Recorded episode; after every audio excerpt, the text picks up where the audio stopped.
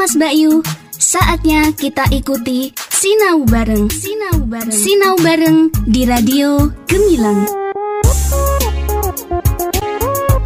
Kawas Bayu sahabat Gemilang, Assalamualaikum warahmatullahi wabarakatuh Salam sejahtera untuk kita semua Om Swastiastu, Namo Buddhaya Salam kebajikan, Rahayu Kawas Bayu kembali lagi berjumpa di 96.8 FM Radio Gemilang Jendela musik dan informasi Kamas Bayu kita kembali bersama di satu saja acara Pembelajaran jarak jauh via radio yang akan ditampilkan Bapak Ibu Guru Kabupaten Magelang yang berkompeten dan juga bersemangat untuk kembali menghadirkan materi-materi yang sangat bermanfaat buat anak didik di Kabupaten Magelang. Kamas Bayu kita berjumpa di saja acara Sinau Bareng. Satu saja acara spesial dari Radio Gemilang FM, tentu saja bekerja sama dengan Dinas Pendidikan dan Kebudayaan Kabupaten Magelang yang akan hadir untuk Anda setiap harinya pukul 7 hingga 8 dan 11 hingga 12. Kamas Bayu Sahabat Gemilang juga bisa berpartisipasi dengan memberikan masukan-masukan yang kontributif di WhatsApp Radio Gemilang FM di nomor 081 578 968 968. Kamas Bayu, tanpa panjang kata lagi, kita sambut saja acara Sinau Bareng di kesempatan hari ini. Sinau Bareng di Radio Gemilang. Gemilang. Assalamualaikum warahmatullahi wabarakatuh. Masih setia di 96.8 Radio Gemilang FM, Jendela Musik dan Informasi. Selamat pagi Kang Mas Mbak Yu sahabat Gemilang, serta anak-anak hebat di seantero Kabupaten Magelang. Pagi ini kita akan memulai pembelajaran jarak jauh kelas 6 bersama kami, Penny Wulandari atau biasa dipanggil Bu Penny, dari SDN Podosuko 4 Kecamatan Sawangan, serta rekan saya, Samsudin atau biasa disapa Pak Sam. Saya dari SD Negeri Mertoidan 3, Kecamatan Mertoidan. Dan teman saya? Zainuddin, yang biasa dipanggil Pak Zen, dari SDN Bandungan 3, Kecamatan Bandungan. Selama 30 menit ke depan, kami akan mendampingi anak-anak belajar. Sebelum kita mulai pembelajaran pada pagi hari ini, terlebih dahulu kami mengucapkan terima kasih kepada Kepala Dinas Pendidikan dan Kebudayaan Kabupaten Magelang, Bapak Aziz Amin Mujahidin MPD, kepada Kepala Bidang Pembinaan SD, Bapak Broto Wibowo MPD, Kasih Kurmintu, Bapak Sujati SPD MMPD, Korwil dan Pengawas SD se-Kabupaten Magelang, serta K3S Kabupaten Magelang yang telah memfasilitasi kami untuk melakukan pembelajaran jarak jauh melalui Radio Gemilang FM. Tak lupa kami juga akan menyapa Bapak Ibu orang tua siswa kelas 6 yang selalu sabar dalam mendampingi putra-putrinya belajar di rumah. Bukan begitu Pak Syam? Benar Bu Penny. Ya, tepat sekali Bu Penny. Karena kondisi saat ini yang tidak memungkinkan kita untuk melakukan pembelajaran tatap muka, sehingga pembelajaran dilakukan secara daring ataupun luring. Untuk itu, terima kasih kami ucapkan kepada orang tua siswa yang selalu memotivasi dan menyemangati putra-putrinya untuk selalu belajar. Mari kita berdoa, semoga wabah COVID-19 ini segera berakhir. Sehingga kita bisa beraktivitas seperti sedia kala dalam keadaan yang sehat dan nyaman. Selain itu, Pak Guru juga berpesan kepada anak-anak agar senantiasa mematuhi protokol kesehatan yang telah ditetapkan oleh pemerintah, yaitu dengan rajin mencuci tangan dengan sabun di air yang mengalir, kemudian menjaga jarak, menghindari kerumunan, dan senantiasa memakai masker apabila keluar rumah. Baiklah Bu Penny, apa yang akan kita pelajari hari ini? Iya, terima kasih Pak Jen. Uh, pada pagi hari ini kita akan belajar tema 4 tentang globalisasi. Ada dua muatan pembelajaran, yaitu IPS dengan materi peran Indonesia di bidang sosial budaya dalam lingkup ASEAN dan SPDB dengan materi ciri-ciri reklame yang baik.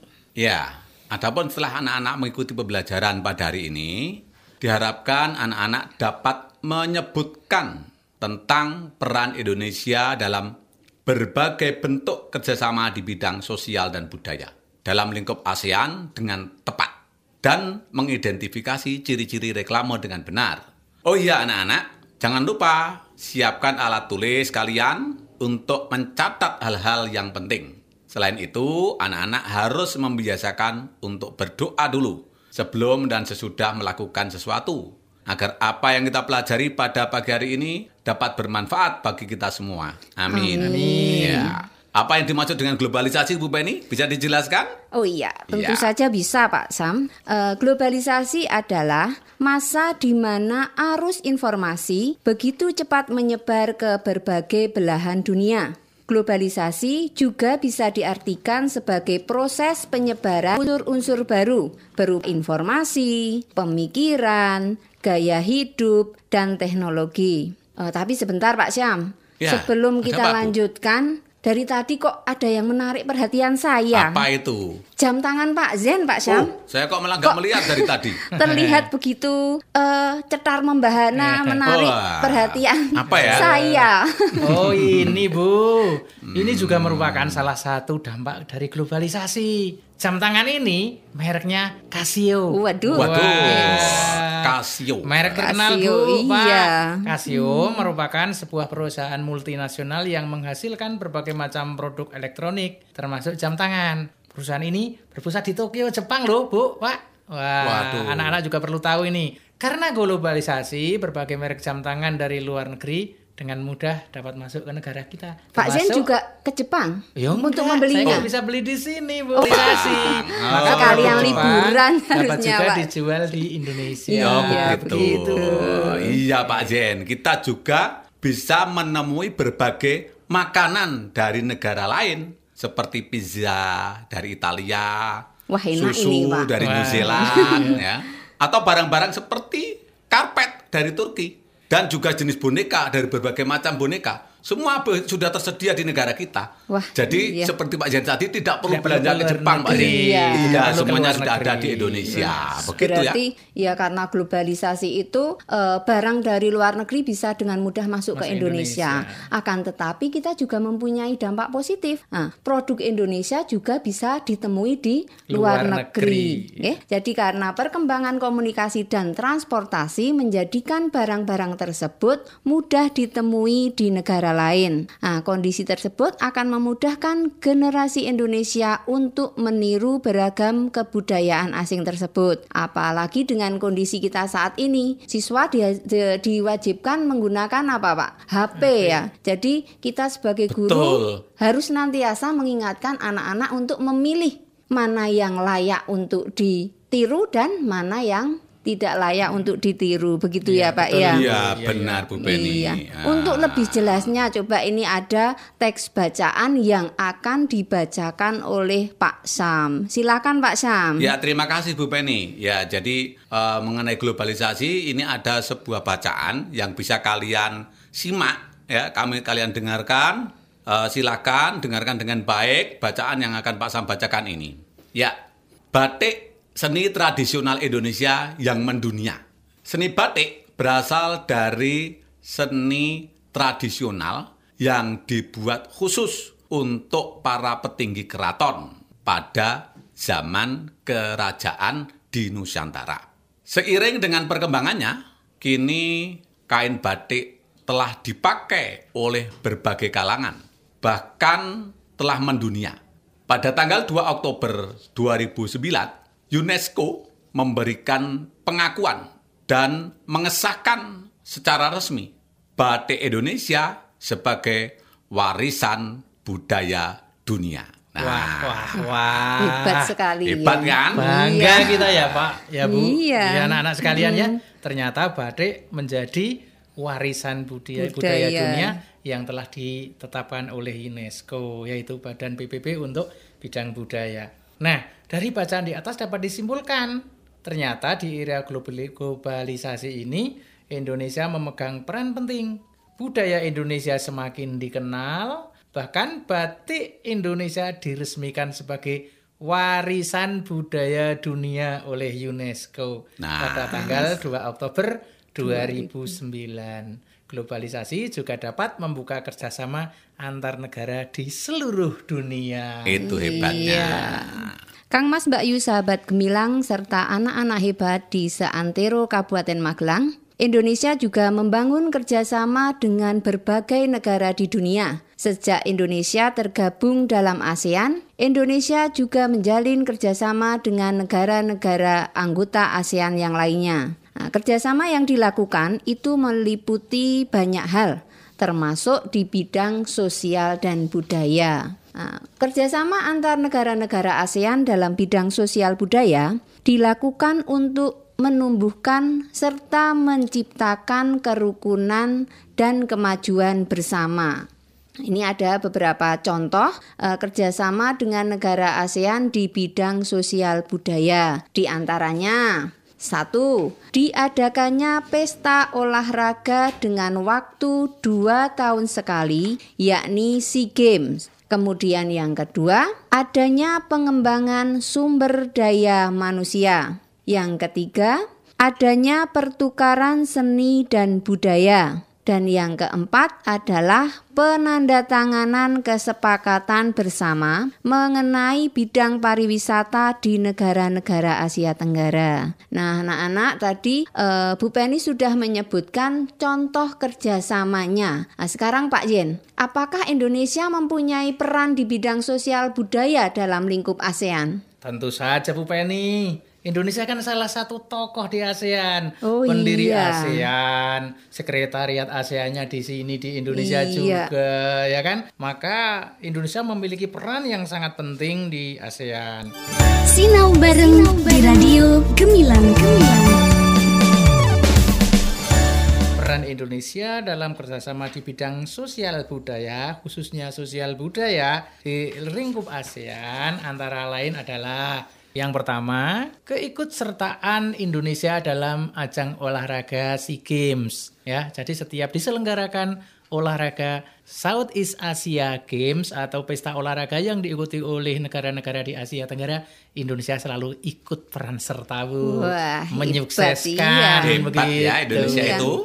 Ya, pada tahun 2011 Indonesia malah menjadi tuan rumah sebagai Wah. penyelenggara dan kita berhasil menjadi tuan rumah yang baik, Bu. Iya, Sehingga dapat Pak. berjalan dengan lancar. Kemudian peran yang kedua, Indonesia memberikan bantuan kemanusiaan.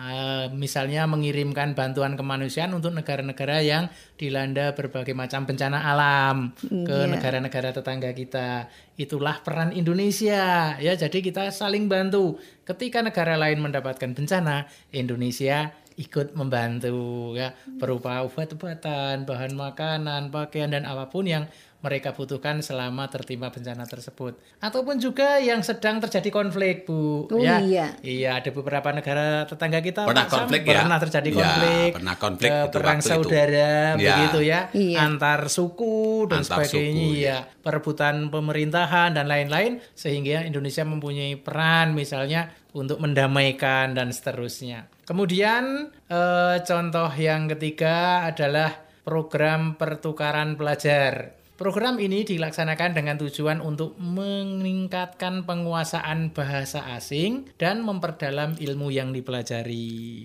Oh, terus bagaimana kalau Nah. pertukaran pelajar itu, Pak? Misalnya sesama negara anggota ASEAN antara ambil contoh Indonesia dengan Malaysia, maka beberapa eh, mahasiswa atau pelajar dari Indonesia dikirim untuk belajar di Malaysia. Pun sebaliknya, nanti pemerintah Malaysia akan mengirim pelajarnya atau mahasiswanya ke Indonesia untuk belajar juga. Dengan demikian mereka menjadi eh, memahami eh, tentang budaya sosial yang ada di negara masing-masing dan sesuai dengan ilmu yang diperdalam di eh, perguruan tinggi masing-masing. Iya. Yang dikunjunginya itu ya. Iya, kita jadi- berdoa semoga besok murid-murid kita ada yang ikut Iya. program pertukaran Amin, pelajar ya, amin. Pak ya. Jadi kita Amin. termasuk Ya, negara yang betul. aktif Iya. untuk menggalakkan adanya pertukaran pelajar di ASEAN. Iya. Itulah peran Indonesia. Kemudian peran Indonesia yang keempat adalah terselenggaranya ASEAN Film Festival ya. Khusus dalam budaya khususnya film sering diadakan film festival film se-Asia Tenggara. Iya. Nah, Indonesia pun ikut serta menjadi peserta dalam kegiatan ini dengan mengirimkan beberapa karya anak bangsa berupa film-film yang bagus untuk dilombakan untuk difestivalkan dalam kegiatan ini. Nah, dengan demikian kita akan mengetahui eh, hasil budaya khususnya film dari negara-negara tetangga kita se-Asia Tenggara. Begitu Bu. Bahkan kegiatan ini adalah sebagai sarana promosi budaya. Oh, begitu ya, Pak, ya? Beberapa lokasi syuting bahkan ada di Indonesia. Iya. Itu diambil gambarnya di Indonesia, di tempat-tempat yang telah ditentukan di Indonesia dan juga di negara-negara ASEAN yang lain. Begitu perannya Bu Penny. Wah, ternyata banyak sekali peran Indonesia di bidang sosial budaya dalam lingkup ASEAN ya, Pak ya. Iya, betul. Memang banyak sekali ya, memang banyak sekali tapi juga uh, ada juga selain kita ditempati, kita juga pernah mengirimkan bintang film kita. Wah, Iya, bintang Siapa film kita itu, Pak? dikirim. Ada bintang, bintang film kita yang dikirim ke Asia. Wah. Uh, tidak hanya Asia Tenggara, tapi sampai sampai Asia itu Iya. banyak bintang film kita. Bahkan ada yang sampai di Hollywood juga. nah, hebat sekali. Itulah. Jadi kita. tidak hanya di lingkup ASEAN, Iya. bahkan UNESCO. Nah, UNESCO saja sudah mengakui tadi, ya. Selain apa? Selain batik tadi, Iya. ada pengakuan yang lain loh Bu Penny. Apa itu, Pak? Nah, ada wayang. Oh, iya. Wayang itu juga sudah di- diakui oleh UNESCO sebagai budaya Indonesia. Kemudian keris. Nah, Wah. keris juga itu juga merupakan eh, warisan warisan budaya dunia. Dunia. Itu sudah sudah diakui oleh mendunia UNESCO. ini. Nah, untuk itu marilah eh, sahabat gemilang dan anak-anak yang hebat semua, kita harus senantiasa melestarikan budaya bangsa kita.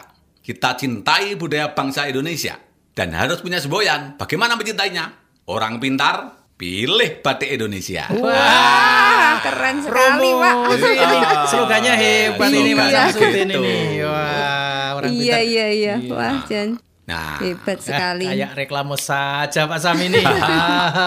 Saya jadi teringat tapi Pak. Bu, Iya, tadi bagaimana, Pak? sewaktu dalam perjalanan menuju ke Gemilang FM ini, Oh, iya? saya lewat toko batik. Di Waduh. depan toko itu, tadi saya melihat ada reklamenya. Jadi ada gambar beberapa pakaian batik dan ada tulisannya Nusantara Batik menyediakan Nusantara berbagai Batik. corak dan warna menarik khas Indonesia karya jari-jari anak bangsa. Wah. Wah, kalimatnya kok menarik Iya. sekali. Menarik Jadi batiknya sekali. bagus-bagus itu, Bu. Iya, saya jadi kepengen beli di sana loh, Pak. Oh, gitu ya, Bu. Bagaimana kalau besok untuk seragam kita? Kan kita juga hari Kamis karena cinta karena kita adalah orang yang pintar. Kita itu kan Betul. setiap Seragam hari Kamis, Kamis itu- Jumat itu Iya. kita pakai batik juga. memakai batik. Nah, perlu Setuju, Iya. Bu Penny? Iya, setuju. Bisa diage- diagendakan ya, Pak ya. Betul. Iya, sekarang bicara soal reklame. Eh, reklame itu apa? Reklame adalah suatu media atau alat yang digunakan untuk menginformasikan, mengajak, menganjurkan, dan menawarkan produk atau jasa kepada halayak dengan menggunakan gambar dan kata-kata menarik. Jadi seperti tadi yang dilihat Pak Zen itu kan ada gambarnya Iya. ya Pak? Wah, gambarnya bagus. Warnanya bagaimana Wah, Pak? Warnanya mencolok cerah. Oh Eh, iya, kemudian juga ada bentuk tulisannya bagus sekali. Wah Bu. iya. Jadi seperti itu reklame. Jadi reklame itu eh, dibuat menarik sehingga pembaca ingin mengikuti anjuran atau membeli barang yang ditawarkan. Seperti tadi yang sudah dilihat Pak Yen, itu adalah contoh reklame karena menawarkan batik dengan menggunakan gambar dan kata-kata yang menarik. Oh begitu hebat ya. Jadi itu Iya, Pak. termasuk reklame juga. Baik, sahabat gemilang dan anak-anak hebat semuanya, ada berbagai jenis reklame. Di antaranya ada poster, iklan, plakat, spanduk, selebaran, balio, dan buklet. Reklame ada yang bersifat komersial, tetapi ada juga yang bersifat non komersial. Nah, yang komersial ini digunakan oleh pedagang untuk menawarkan barang atau produknya. Contoh, poster, spanduk, baliho itu adalah reklame yang bersifat komersial, Komersial. seperti yang disaksikan oleh Pak Oh, Zen tadi iya. ketika berangkat ke sini. Berarti Itu, itu adalah menawarkan komersial. Iya, itu termasuk reklame komersial ya, Pak, ya? komersial gitu kan. Karena Karena apa? menawarkan. Produknya di situ Untuk ya. dibeli ya. Nah, sedangkan non komersial digunakan untuk mengajak masyarakat agar melakukan suatu hal, misalkan hidup bersih, hemat energi dan lain-lain. Termasuk yang Pak Sam sampaikan tadi, yaitu orang pintar pilih batik. Indonesia. Wah, Nah, iya. itu adalah termasuk reklame non komersial. Begitu. Ternyata banyak juga ya Pak jenis-jenis reklame. Bagaimanakah ciri-ciri reklame yang baik itu? Bu Penny bisa Ya. menjelaskan? Bisa Pak? Nah, reklame yang baik itu mempunyai ciri-ciri sebagai berikut. Yang pertama adalah singkat, jelas, dan mudah dimengerti. Seperti tadi eh, yang dicontohkan Pak Yen melihat di jalan tadi, nggih, Iya. singkat, jelas, dan mudah dimengerti. Ternyata kan kalimatnya tidak panjang. Iya, Bu. tidak Sehingga panjang. ketika saya baca itu langsung tahu. Ingat, iya, bisa ingat, Tahu bisa artinya saya. iya tahu ya Pak ya. Iya. Kemudian yang kedua, memberikan seni atau hiasan di sekitar tulisan agar lebih menarik. Jadi tadi diberikan tulisan yang menarik, Menarik. diberikan gambar, ya Pak ya. Iya, betul sekali. Iya. Ya. Dan yang ketiga adalah jujur. Jujur di sini maksudnya bahwa pesan yang disampaikan itu sesuai dengan kenyataan yang ada dan tidak dibuat-buat. Karena saya pernah ditanya anak saya, Pak. Gimana itu Bu? Gini, "E, Bu, buatkan mie instan yang ada gambar telurnya. Nah, setelah saya buatkan, lu Bu kok nggak ada ada telurnya? telur. Iya seperti itu. Jadi eh, kalau eh, orang melihat wah anak kecil ya kan, Iya. wah pasti kalau di luar ada gambar telurnya berarti di dalam dalam, juga ada- ada, ada telurnya. telurnya.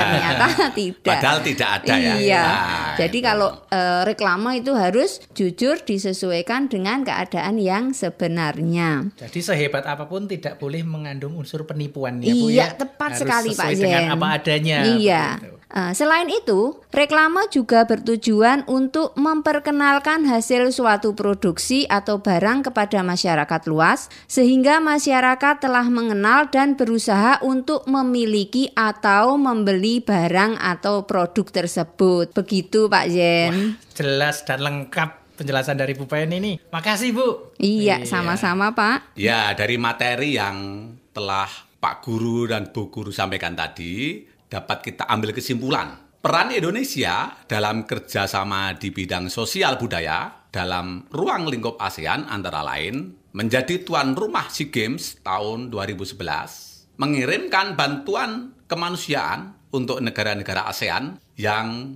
dilanda bencana alam ataupun konflik, melaksanakan program pertukaran pelajar dan menjadi peserta dalam kegiatan ASEAN Film Festival.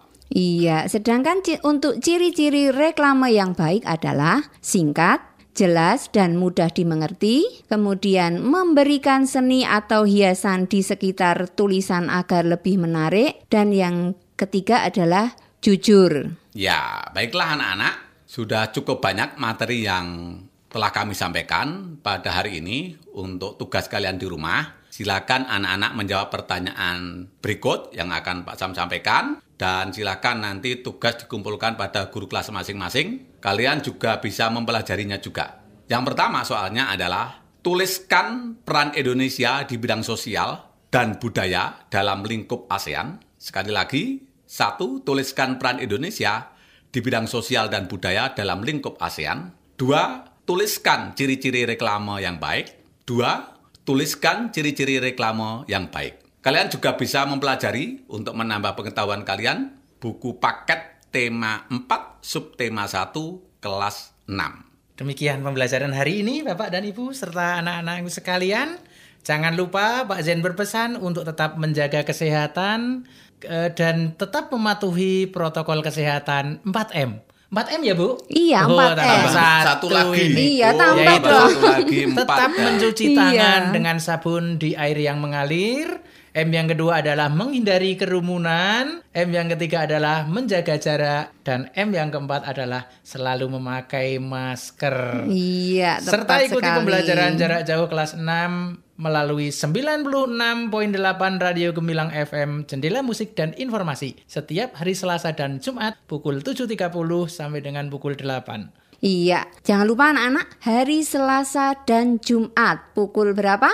7.30 sampai dengan 8 waktu waktu Indonesia Barat. Iya. Ya, 30 menit sudah kami mendampingi anak-anak dan Bapak Ibu wali murid kelas 6. Untuk itu kami undur diri. Eh, saya Bu Penny, Pak Syam dan Pak Zen. Mohon maaf atas segala kekurangan dan terima kasih atas perhatian anak-anak semuanya.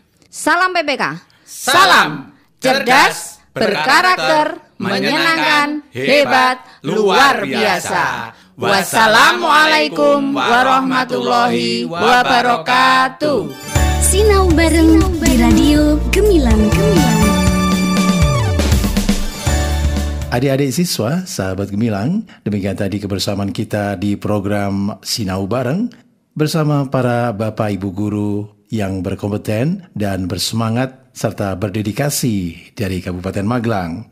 Semoga Kamas Bayu anak didik semuanya selalu diberi kesehatan dan kita bisa berjumpa lagi di lain kesempatan. Kamas Bayu dari Kabin Siar kami ucapkan wassalamualaikum warahmatullahi wabarakatuh. Om Santi Santi Om Namo Buddhaya. Salam kebajikan Rahayu. 96.8 FM Radio Gemilang, jendela musik dan informasi.